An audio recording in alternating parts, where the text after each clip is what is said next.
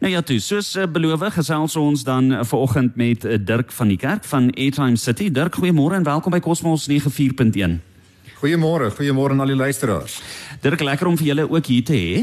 Vanoggend 'n interessante uh, onderwerp waaroor ons gepraat het is hoe jy al geld verloor en een van die luisteraars uh, wat gesê het uh, hy het al van tevore uh, gesukkel en uh, hy het 'n ligtyd gekoop by die masjiene by die volstasies en die koopbewys sê offline die winkelbestuur trek hulle skouers op jy kry nie die diensverskaffer op die telefoon in die hande nie en uh, ons wil bietjie daaroor gesels wanneer so iets gebeur Wat is dit? Maar voor ons daarby uitkom, voor ons uitkom by wat doen jy uh, in so 'n geval? Geef my so 'n bietjie agtergrond want uh, kyk, julle is mos nou op die uh, en ek gaan nou die Engelse woord gebruik, die front end. Julle hierdie masjien en hy integreer nou met klomp ander stelsels. Geef ons 'n bietjie agtergrond in opsigte daarvan. Jessie nee, John Louis, baie dankie man. Ek wil net vinnig sê, ek het al baie geld in my lewe verloor, maar nog nie op 'n op 'n Airtime City masjien nie. Dalk net om vir die luisteraars so 'n bietjie agtergrond te gee. Ons het omtrent 200 van hierdie masjiene reg oor die land en en dit gaan so goed ons gaan nog 50 nog ten minste 50 bysit hierdie jaar. Mm. Daar gaan omtrent 750 000 transaksies elke maand deur al hierdie masjiene van ons. Ek dink dit gee die luisteraar ook net so 'n bietjie van 'n van 'n gevoel van die volume transaksies wat ons wat ons hanteer. Ja, ja. Nou, hierdie transaksies bestaan uit ligtyd transaksies of airtime, ehm um, elektrisiteit, uh bill payments soos DStv, um, Sanlam, uh Bonlife en en dis meer.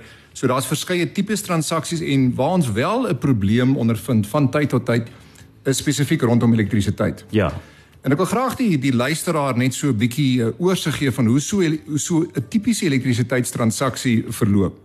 So die gebruiker of die of die kliënt sal sy elektrisiteitsmeternommer insit en daai meternommer word omtrent deur ten minste 4 5 4 tot 5 uh, derde partye hanteer. Jo. om en ook deur verskeie internetverskaffers waar hierdie transaksies deurloop om vir die om op die einde van die dag 'n suksesvolle transaksie uh, mee te gee. So dit is omtrent 8 partye in totaal wat betrokke is om 'n suksesvolle transaksie af te uh, af te lewer.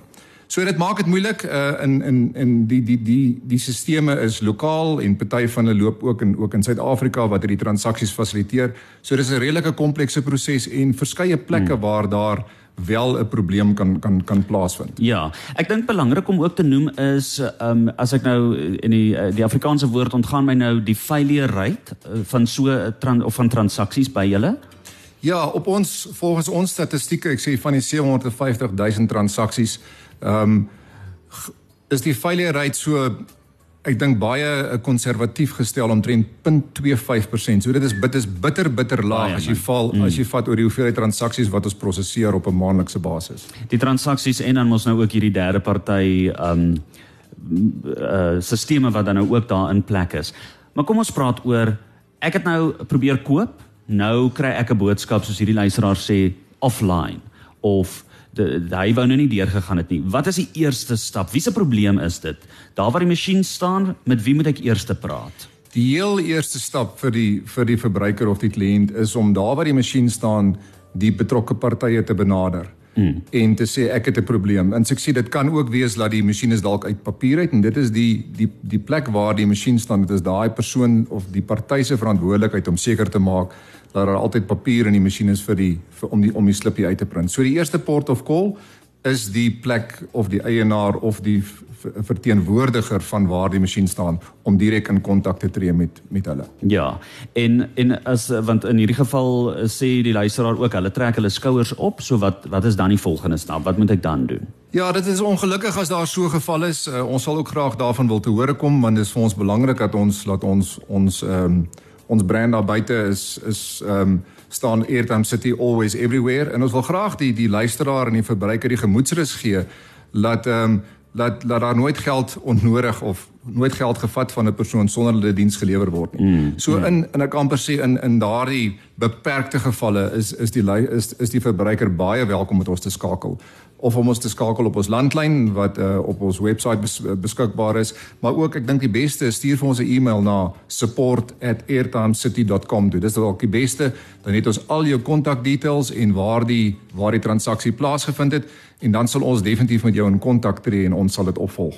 Ja, baie belangrik en uh dis nou ook dan nou vir naure wat jy kan gebruik maak of van die e-pos. As 'n mens nou net kyk in tyd van hoe vinnig word jy dan nou gehelp in terme as jy nou 'n oproep maak of 'n of 'n e-pos stuur? Gedurende gedurende werksure ehm um, is ons uh het ons het ons 'n span mense wat kyk na die e-posse soos wat dit inkom. Hmm. Uh en na ure ehm um, kyk ons ek sê in die laat in die aand en vroeg in die oggend daarna. Maar ehm um, maar ja, gebruik daai kanaal. Dit is by ons. Ons weet waar om jou in die hande te kry. Uh en ons sal altyd seker maak dat jou dat jou elektrisiteitstoken of wat ook al jy nie ontvang het, jy laat jy dit wel ontvang. Want ons kan presies sien op op die masjien wat gebeur het wanneer die transaksie geprosesseer het. So ons het net jou kontak details nodig. Uh, sou jy nie kon gehelp word in uh, binne in die plek waar die masjien staan nie en dan sal ons jou met graag te help. Fantasties. Dalk 'n laaste woord van jou kant af Dirk? Nee, ek wil net graag die luisteraars die die gemoedsrus gee dat ehm um, dat daar daar onder geen omstandighede behoort jy geld te verloor nie. Soos wat ek gesê het in die begin, ek het al baie geld in my lewe verloor, maar definitief nie op airtime of krag op 'n op 'n op 'n airtime se vending masjien nie. Nee, die aard van die saak want dit is tog ook uh, uh opspoorbaar, traceable as ek nou so kan sê. Jy moet die transaksie is daar so, jy moet kan sê hier is dit, okay, dit het nie deur gegaan nie, so ons stuur vir jou die token of wat. Definitief, ons kan ons kan remotely kan ons op baie masjiene inlok. Ons weet presies wat gebeur het. Uh, Daar's 'n 'n dag en en tyd stamp op op elke transaksie. Hmm. So ons kan presies vir jou sê wat gebeur het en en ons kan jou daarmee help. Mm, so jy het geen rede om te betwyfel die diens wat uh, Airtime City lewer nie. Net vinnig weer daai e-posadres en telefoonnommer indien jy uh, vir Airtime City wil kontakteer. Ons skakel voor, ons stel voor dat ons die dat ons die e-pos gebruik. Dis die maklikste om om te hanteer. Uh dit is support@airtimecity.com. Baie maklik, support@airtimecity.com. Baie dankie en 'n lekker dag vir jou verder. Dankie Jean-Louis.